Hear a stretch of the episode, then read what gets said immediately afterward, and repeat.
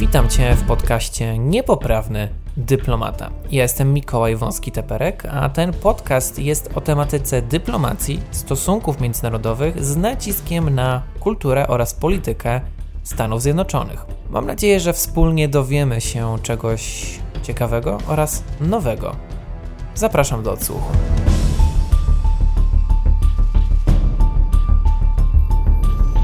Congratulations, Mr. President.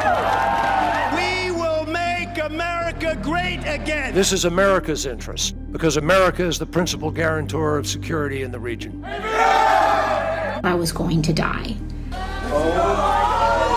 Why, why, why, why, why, why? First woman vice president, Kamala Harris. Witamy serdecznie. W kolejnym odcinku na kanale Niepoprawny Dyplomata rozmawiamy sobie o dyplomacji, stosunkach międzynarodowych oraz oczywiście o USA. Dzisiaj porozmawiamy o tym, czy Stany Zjednoczone w ogóle mogą stworzyć 51 stan, czy będą musiały dodać kolejną gwiazdkę do swojej flagi, skoro każda z gwiazdek symbolizuje inny ze stanów. Jakie może mieć to konsekwencje polityczne w przyszłych, czy w ogóle w kolejnych e, wyborach przyszłości? wyborów prezydenckich Partii Republikańskiej, Demokratycznej. Jeżeli interesują Was tego typu tematy, to zostańcie na dłużej, zostawcie subskrypcję, łapkę w górę i zachęcamy do dyskusji w komentarzach oraz do dyskusji na naszym kanale Discord, serwerze Discord. Linki znajdziecie w opisie tego filmu, a także możecie wejść na nasze profile Twittery, Instagramy i tak dalej. Linki również w opisie i tutaj będą się raz na jakiś czas pojawiać. Razem ze mną nasz współprowadzący kanału Niepoprawny Dyplomata, redaktor Tomasz Winiarski. oraz Mikołaj Wąski-Teperek. Dzień dobry, witajcie. Rozpoczynamy. 51 stan. Izba Reprezentantów zajęła się tą sprawą dość niedawno, bo mamy już 100 dni Bidena. Zaczął się, zaczęła się ta administracja, ta prezydentura różnymi bardzo odważnymi takim krokiem do pewnych zmian i czy ta zmiana jest w ogóle, na początku oczywiście ocenimy, czy jest ona w ogóle możliwa i jak się to prawnie robi w Stanach Zjednoczonych. I czemu tak długo DC, czyli Dystrykt Columbia, stolica tak naprawdę, tam gdzie właśnie jest Biały Dom, Kapitol, Kongres Amerykański, tak długo tym stanem nie było? I jakie są jego prawa, jak one, jak w ogóle tam, to małe właściwie państwo, miasto funkcjonuje obecnie. 22 kwietnia tego roku Izba Reprezentantów poddała pod głosowanie to, czy uznać DC, District Columbia, za kolejny amerykański stan. Głosowanie rozłożyło się idealnie po liniach partyjnych. Za było. Mm, 216 demokratów, 208 republikanów było przeciwko. Udało się to przegłosować, ale od razu zaznaczę, to nie jest żaden ewenement w amerykańskiej polityce, że, polityce, że takie głosowanie miało miejsce, bowiem w czerwcu zeszłego roku również e, kontrolowana przez demokratów Izba Reprezentantów zdołała e, przegłosować e, podobną ustawę, tylko HR51, która po prostu nie trafiła później pod głosowanie w Senacie, a zgodnie z amerykańskim prawem, jak mamy e, koniec e, kongresu, są nowe wybory e, i zmienia się układ sił w parlamencie amerykańskim, od nowa trzeba wszystkie niedokończone procedury legislacyjne po prostu poddawać pod głosowanie, więc także demokraci musieli ponownie głosować nad uznaniem dystryktu Kolumbii, stolicy amerykańskiej za kolejny stan. To jest temat, który wzbudza liczne kontrowersje wersje. Republikanie są generalnie przeciwko, demokraci są za. Mają w tym duży interes polityczny także, bo wiadomo, DC to jest bastion demokratów i im więcej praw wyborczych będzie miało DC, tym demo demokraci będą mieć jeszcze większą przewagę Co w amerykańskim znaczy kongresie. bastion demokratów? Ile ludzi tam mieszka, jest zarejestrowanych wyborców? Jak oni głosują? E, jak to wygląda w kontekście różnych wyborów do Izby, do Senatu oraz do wyborów prezydenckich? Jak głosuje DC i czy w ogóle może tak głosować? To też jest to. Pytanie. Tak, DC może głosować. Populacja DC liczy po, sporo ponad 672 tysiące rezydentów I zdaniem wielu oni powinni mieć takie same prawa do głosowania w wyborach parlamentarnych amerykańskich, co rezydenci innych amerykańskich stanów. I tutaj często przywołuje się e, cytat z Deklaracji Praw Virginii z roku 1776. Jeden z ojców założycieli USA, George Mason, napisał wtedy mniej więcej parafrazując w ten sposób: Wszyscy, wszyscy ludzie, którzy żyją na danym terytorium jako członkowie pewnej wspólnoty i mają wspólne interesy, powinni być wolni i mieć pełne prawo do głosowania. W skrócie, nic o nich bez nich. I tutaj jest taki zarzut, że nad głowami rezydentów DC podejmowane są decyzje, na które oni mają bardzo ograniczony wpływ, bo nie mogą głosować. Natomiast e, mieszkańcy DC e, mają prawo wybierać jednego delegata, e, którym obecnie jest pani Eleanor Holmes Norton i ten delegat zasiada w Izbie Reprezentantów, zasiada w komisjach, ma prawo głosować w kwestiach proceduralnych, e, ma prawo głosować w komisjach, ale najważniejsze, nie ma prawa głosować na, na płaszczyźnie kongresowej. Jeżeli są przegłosowane ustawy, on nie ma prawa głosu. Czyli ma jakąś tam inicjatywę ustawodawczą, może współtworzyć prawo, ale nie może nad nim głosować. I to jest największy zarzut e, kierowany właśnie ze strony demokratów. E, w roku 61 była taka przełomowa rewolucja, można powiedzieć, e, wprowadzono 23 poprawkę, która e, do amerykańskiej konstytucji, która przyznaje e, stolicy amerykańskiej trzy głosy elektorskie. Także oni oficjalnie biorą udział w wyborach prezydenckich właśnie w ten sposób. A wybory do kongresu to już też wspomniałeś, że że mają e, jedną, e, jednego delegata, który mhm. nie może głosować poza kwestiami e, takimi e, proceduralnymi lub głosowaniem w komisjach. Ogólnie na, na poziomie kongresu nie może głosować. Są pozbawieni także swojej, swojej reprezentacji w amerykańskim Senacie. I tutaj, gdyby mhm. doszło do uznania DC za kolejny amerykański stan 51, demokraci zyskają nie tylko e, kilku kongresmenów, przede wszystkim zyskają dwóch e, amerykańskich senatorów. Bo... I teraz mam pytanie, czy wtedy powiększono by izbę, czy odjęto by tych e, kongresmenów e, jakimś innym stanu? Czy nadal byłoby 100 senatorów? E, no to jest ciekawe pytanie. Czy 102? Tej, to jest ciekawe pytanie.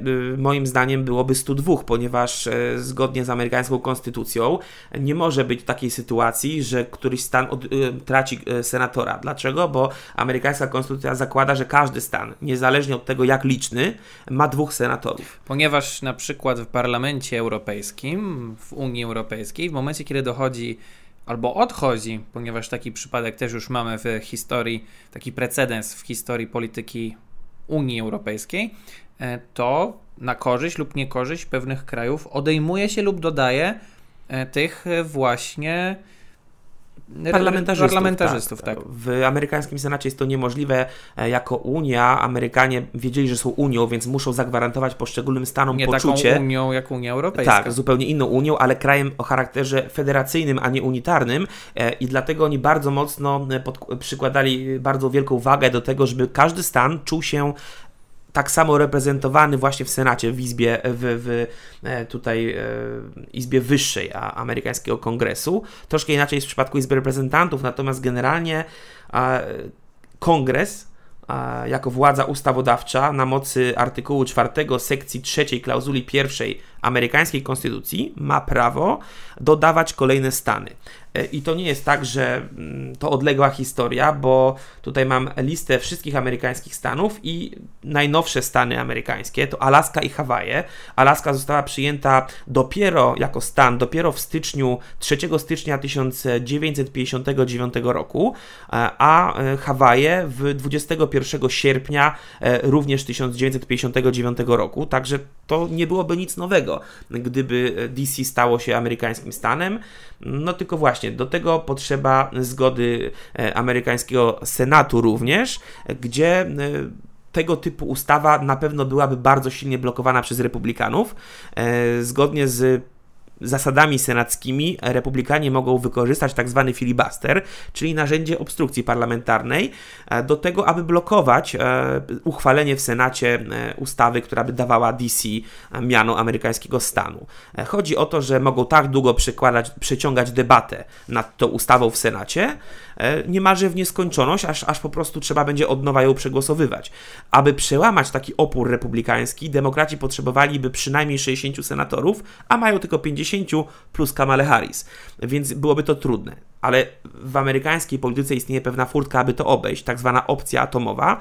Można by zwykłą większością, 50 plus 1, wprowadzić w amerykańskim Senacie zmianę przepisów senackich, która by wyłączała głosowanie w sprawie stanu z właśnie tego wymogu e, sprostania tej super większości, czyli filibusterowi.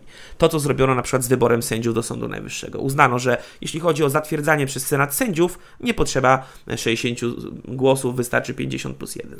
Słyszałem w związku z tym, że łatwiej by było tak naprawdę zamiast e, tworzyć nowy stan, to zmienić granice obecnych stanów i wtedy po prostu na przykład, co jest to generalnie możliwe technicznie, e, correct me if I'm wrong, czyli przeniesienie terytorium DC, jego zwężenie do na przykład kilku budynków federalnych, albo nawet ba, jednego budynku, na przykład adresu 1600 Pennsylvania Avenue, czyli do samego Białego Domu. I wtedy rezydenci Białego Domu mieliby decyzyjność wedle głosowania w wyborach prezydenckich mm, i na przykład tam nie wiem ile by było osób zameldowanych, załóżmy małżeństwo, dwie osoby, może ewentualnie jakieś e, dziecko, które no nie ma praw wyborczych, ale załóżmy wtedy, że rodzice na przykład głosują, pan prezydent i pani pierwsza dama, na to by wyszło, i oni na przykład dwie osoby decydowałyby za trzy głosy elektorskie. Tak, to, to, to jest technicznie możliwe. Technicznie wykonalne, natomiast w praktyce jest to bardzo mało prawdopodobne. Mm, bo to byłaby taka sytuacja no, totalnie ekstremalna i, i raczej jeśli już, e, no to należy się spodziewać, jeżeli będzie demokratom bardzo zależało na uznaniu DC za stan, to oni są gotowi znieść filibuster dla tej ustawy, czyli po prostu użyć, no przeforsować, prze, przewalić przez amerykański kongres e, tą inicjatywę. Generalnie, jeśli chodzi o taką debatę w amerykańskiej polityce, czy DC powinien mieć, powinno mieć równe prawa wyborcze z, z innymi e, terytoriami amerykańskimi, które są Stanami, no to ta debata zaczęła się mniej więcej w 1978 roku od e, zaproponowania przez kongres e, tak zwanej ustawy Voting Right Amendment, która jednak wtedy upadła. Natomiast w 2016 roku było referendum w DC e, i 85%, 85,83% rezydentów DC zagłosowało za tym, aby władze DC, City Council, podejmowały zakrojone na szeroką skalę działania zmierzające do uznania DC za stan. Sprzeciwiło się temu tylko nieco ponad 14% rezydentów DC, czyli mamy miażdżącą większość, która uważa, że DC powinien być kolejnym amerykańskim stanem. Tu też e, często się zwraca na taki argument uwagę, że dlaczego DC, mieszkańcy DC są dyskryminowani w tej kwestii, skoro e, mieszkańcy, na przykład Ameryka, Amerykanie, którzy wyemigrowali za granicę, mieszkają w Europie powiedzmy, mają prawo głosować w, w wyborach do kongresu na podstawie tego, że głosują e, z tego okręgu, który był ich e, miejscem zamieszkania przed wyjazdem poza granicę e, Stanów Zjednoczonych. To prawo, czyli głosowanie, można powiedzieć, takie amerykańskich obywateli mieszkających poza Stanami Zjednoczonymi, reguluje ustawa Uniformed and Overseas Citizens Absentee Voting Act. Chodzi o prawa do głosowania dla żołnierzy, którzy są na misjach poza granicami USA oraz mieszkańców. No i to generalnie mm, jest przywoływane jako taki koronny przykład, że jeżeli ktoś wyjedzie za granicę, może głosować, a jak ktoś mieszka w amerykańskiej stolicy, to nie może głosować, to jest głupota. No ale tutaj z drugiej strony e, przed odcinkiem też rozmawialiśmy o tym i mówiłeś, że no jak ktoś się przeprowadził do DC, i wyjedzie, z, będąc wcześniej rezydentem DC do Polski, to, to też nie, nie może głosować. Więc nie ma tu dyskryminacji, tu jest po prostu Duralex, Sedlex w tej kwestii akurat. No tak, rzeczywiście. No i czemu republikanie są tak e, przeciwni temu? Bo po prostu stracą, cynicznie stracą na tym w kolejnych wyborach. Tak, e, e, wiadomo, że tutaj cynizm w tej kwestii jest też także u demokratów, no bo to się wszystko rozgrywa, kto będzie miał więcej do powiedzenia w, w parlamencie amerykańskim. Natomiast jest też ideologia za tym wszystkim. Republikanie podkreślają, że uznanie DC za stan byłoby niezgodne z koncepcją ojców założycieli, bo generalnie chodziło o to, że DC ma być stolicą całej Unii, całej amerykańskiej federacji i gdyby miało e, charakter stanu, wówczas e, inne stany mogłyby się czuć tutaj e, dyskryminowane w pewnym sensie, no bo stolica rządzi krajem i jednocześnie jest stanem Więc tu chodziło o całą taką ideę, żeby uspokoić jakieś nastroje separatystyczne czy poczucie krzywdy e, w innych stanach, właśnie przez to, że DC nie jest oficjalnie żadnym stanem. Ale ono wcale nie musiałoby być teoretycznie stanem, aby mieć prawo do głosowania w e, kongresie. Dlatego, że pojawiały się także takie pomysły, aby po prostu DC nie było stanem, ale aby nadać im prawo do tego, żeby mieli swoją reprezentację w kongresie, która mogłaby by głosować. Na przykład y, w 1964 roku była, było orzeczenie Sądu Najwyższego Stanów Zjednoczonych w sprawie e, Westerberry kontra Sanders i w tej sprawie była ciekawa wypowiedź sędziego e, Hugo Blacka, który powiedział w ten sposób – Prawo do głosowania jest najcenniejszą wartością w wolnym kraju. Bez prawa do głosu reszta praw, choćby tych najbardziej fundamentalnych, staje się tylko iluzją. No i to była taka narracja, która mówiła, że tak, rezydenci DC powinni mieć prawo e, do głosowania. No ale pojawiały się głosy przeciwko. E, poszerzenie praw do głosowania byłoby niezgodne z amerykańską konstytucją, powie wielu republikanów, szczególnie z artykułem pierwszym, ustęp drugi, który stanowi, że kongresmenów wybiera się co dwa lata e, przez rezydentów stanów, a DC stanem nie jest, a zatem nie można byłoby zrobić takiego fikułka, e, fikołka legislacyjnego, aby na przykład pozwolić wam głosować do kongresu, mimo że nie jesteście stanem. Mhm. Jeżeli demokraci chcą mieć taką, taką reprezentację w kongresie, to muszą to zrobić po bożemu, parafraz- mówiąc tak w uproszczeniu, czyli uznać DC za stan. Bez tego e, inaczej byłaby to taki, byłby to taki zamach na amerykańską konstytucję. Czyli nie ma właściwie innej opcji. Albo po prostu ograniczymy DC do jednego budynku, co jest teoretycznie możliwe, albo po prostu utworzy się nowy stan. Dokładnie, ale tutaj jeśli chodzi o amerykańską konstytucję i interpretację tego, to pokazałem wam teraz opinię przeciwników e, uznania praw wyborczych DC, ale są też zwolennicy, którzy mówią, że konstytucja w innym fragmencie stanowi zupełnie co innego i tutaj się przywołuje artykuł 1, sekcja 8, klauzula 17. To jest przepis amerykańskiej konstytucji, który, uwaga, nadaje kongresowi wyłączną władzę nad dystryktem Kolumbią e, i pozwala także, aby kongres e, wprowadzał przepisy, które teoretycznie mogą być także e, przepisami dającymi DC reprezentację w kongresie. I tu jest spór ideologiczno-konstytucjonalny, czy czy konstytucja pozwala na taką inicjatywę ustawodawczą, czy nie. No i to prawdopodobnie musiałby e, rozstrzygnąć amerykański e, Sąd Najwyższy, ale mieszkańcy DC są bardzo wkurzeni, bo oni twierdzą, że podlegają pod, to jest prawda, oni podlegają pod wszystkie federalne podatki. W roku fiskalnym 2007 mieszkańcy DC zapłacili, uwaga, 20 mm, miliardów y, dolarów, ponad 20 miliardów dolarów w podatkach federalnych, e, a mimo to nie mają prawa głosu w amerykańskiej e, Izbie Reprezentantów ani w Senacie inne terytoria, które nie są amerykańskimi stanami, Puerto Rico chociażby, czy Guam, to ich rezydenci nie są objęci podatkami federalnymi, ale nie mają prawa głosu. Coś za coś, prawda? Więc tu jest ADC, jest obłożone podatkami federalnymi, więc domaga się, no w takim razie musimy mieć więcej praw niż takie, takie Puerto Rico, prawda, w tej kwestii. No i oni tutaj się tak przerzucają tymi argumentami w ten sposób. Hmm. Zauważyłem, że e, z, znowu będą nasi widzowie mówili, albo raczej pisali do ciebie, Tomku, że pijesz znowu płyn silnikowy, dlatego mam dla ciebie alternatywę. Sponsorem dzisiejszego odcinka jest firma Fuel. Fuel, tak. I tutaj właśnie Tomaszu, jako alternatywę do źródełka niebieskiego płynu, y, możesz sobie zrobić pełnowartościowego y, szejka, błonnik i wszystkie inne kalorie wyliczone, wszystko co do miareczki tak, Dwie miarki, 400 kilokalorii. Zamiast, zamiast pizzę hawajską i tutaj ten, zamiast wąskiej staje się szeroki w pandemii. Myślę, że to jest bardzo dobry początek, żeby e, zacząć swoją e, przygodę e, jeszcze zanim otworzą siłownię. Tak, a fajne jest to, że mają tak dużo w ofercie smaków, że właściwie każdy może znaleźć coś dla siebie. Są także boostery smakowe, możecie sobie dowolnie zmieniać smak tych produktów. Przygotowanie jest błyskawiczne, nie trzeba zmywać generalnie to duże ułatwienie dla ludzi takich jak my, którzy często po nocach pracują, nagrywają i. I pilnują amerykańskich e, niuansów. Tak, a chcą zachować jednak jakąś zdrową sylwetkę i, i zbilansowaną dietę. Także dla leniwych i zapracowanych dobre rozwiązanie. Tomaszu, skoro Izba Reprezentantów przegłosowała 232 do 180, to jest 6 to jest 180. 180 to, to w czerwcu. Co dalej się będzie działo?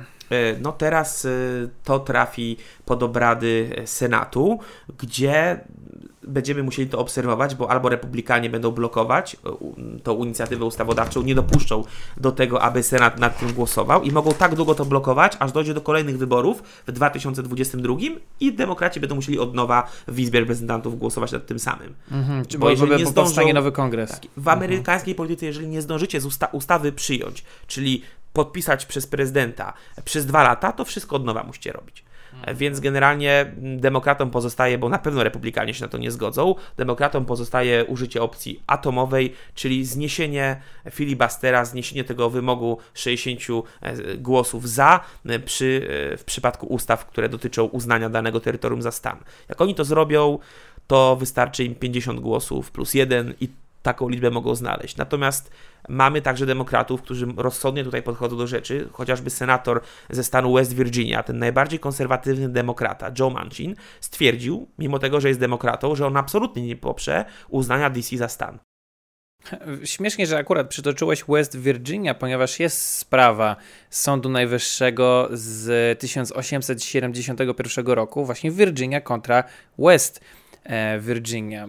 Chodziło o e, czasy wojny secesyjnej w roku 1863.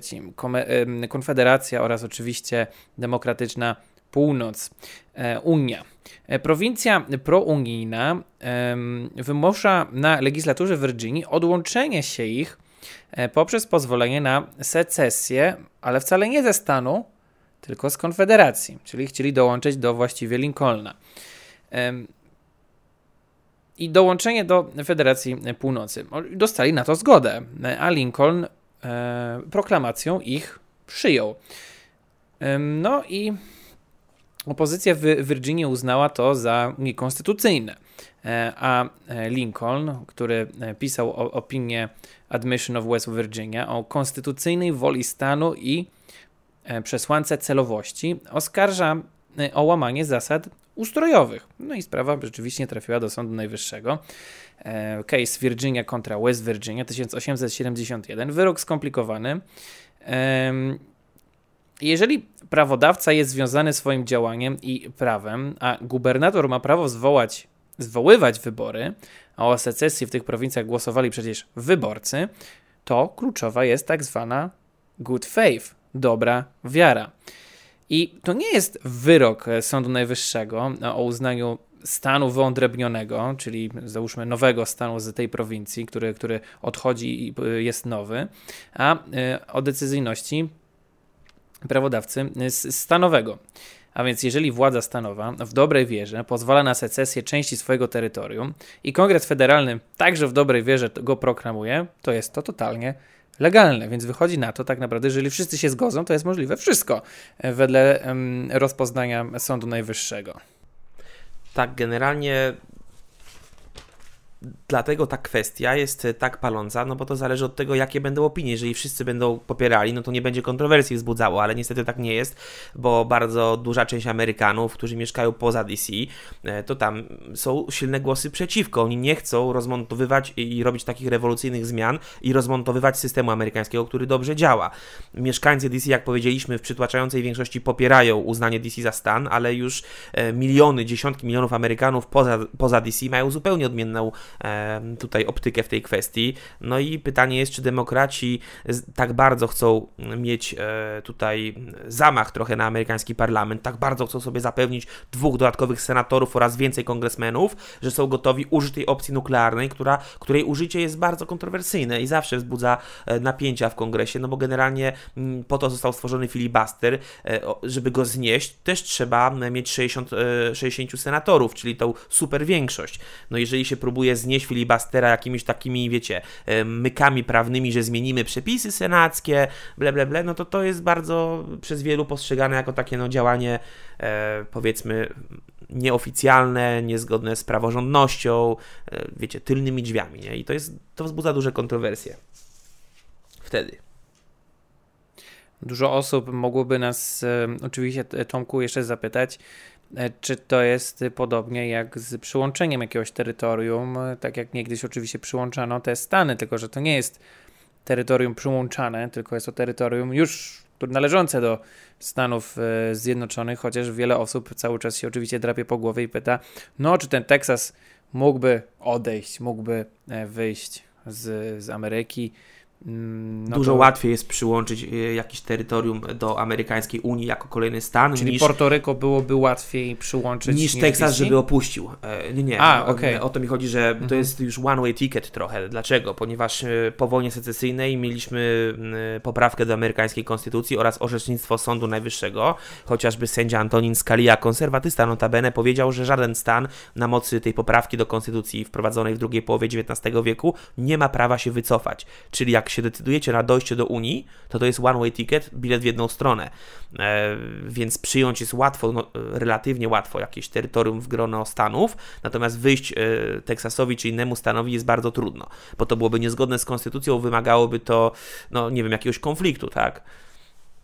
Także, także raczej to jest y, polityczne science fiction. Jeżeli ktoś mówi, a tam są ruchy separatystyczne, te ruchy są w różnych stanach, ale to jest najczęściej margines, a to jest jakiś tak, ułamek procenta, tak, i, i, nie ma co do tego żadnej większej wagi przywiązywać. Jeżeli chodzi o to, jak Amerykanie federalnie we wszystkich stanach patrzą na, na uznanie DC za, za stan, e, no to y, mamy wyniki, że 43% y, respondentów wspiera uznanie DC za stan. E, I to jest e, wynik z początku marca tego roku.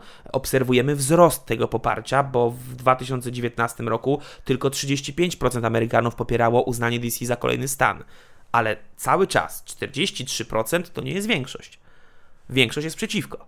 No więc demokraci mają też moralnie mniejsze tutaj argumenty, no bo za nimi nie stoi naród w tej kwestii. Więc Ale z drugiej strony można zapytać, czemu inne stany mają decydować o samostanowieniu się jakiegoś innego obszaru. Nie? To jest dobre pytanie, natomiast uważam, że e, powiedzą republikanie w tej kwestii, dobrze, ale DC to tutaj nie, nie decyduje o samostanowieniu, tylko na przykład kolejnych dwóch senatorów będzie także wpływało na losy polityczne innych stanów. Czemu taki mały obszar ma wpływać na tak duży tak, obszar tak, innych Dokładnie. Tak, to jest I bardzo często. Pozostałe stany też nie mają wielkiego interesu, często te republikańskie stany, żeby dochodził teraz, dochodziło teraz dwóch senatorów, którzy będą reprezentować interesy DC, prawda? Oni, oni się cieszą, że jest status quo, więc też będzie opozycja ze strony wielu władz stanowych, gubernatorów chociażby. Dziękuję Tomaszu, że przygotowałeś dla nas e, te informacje i dziękuję także wszystkim naszym widzom, którzy dotrwali do tego e, momentu. Jeżeli, jeżeli wytrwaliście, to napiszcie proszę w komentarzu DC tak czy nie. DC tak, DC nie. W zależności od tego, co uważacie, czy powinno, czy obszar DC powinien stać się 51 stanem. Zapraszam także do dyskusji w komentarzach oraz na naszym Discordzie. Linki znajdziecie w opisie tego filmu. Zachęcamy także do wsparcia kanału Niepoprawny Dyplomata na stronie patronite.pl ukośnik wąski. Znajdziecie link do Patronite'a w opisie tego filmu także, ponieważ to właśnie dzięki Wam ten kanał dalej się rozwija i to dzięki Wam mamy tyle czasu i tyle środków, żeby z Wami na te tematy dyskutować i je Wam także ładnie, merytorycznie, sprawnie, z dobrym dźwiękiem przedstawiać. Zapraszam do odsłuchu innych odcinków na podcaście Niepoprawny Dyplomata na innych platformach, a także do zostawienia lajka i subskrypcji. Dziękujemy za wszystkie datki, wsparcie, także te słowne, także wsparcie w postaci właśnie tej zwykłej łapki w górę, bo to niewiele trzeba, żeby pomóc nam albo naszemu algorytmowi, a wiecie, jak na YouTubie przecież jest. A także w wolnej chwili możecie e, udostępnić na swoich mediach społecznościowych ten film na Facebooku, na Twitterze, e, polecić znajomym, którzy się interesują tą tematyką, to też pomaga wy budować wyświetlenia. Tak, zapraszamy, jeżeli macie znajomych, którzy się interesują tematami dyplomacji, stosunków międzynarodowych czy USA to dawajcie, podawajcie dalej. Razem ze mną redaktor Tomasz Winiarski i Mikołaj Wolski-Teperek. Trzymajcie się, do zobaczenia, cześć. Siema.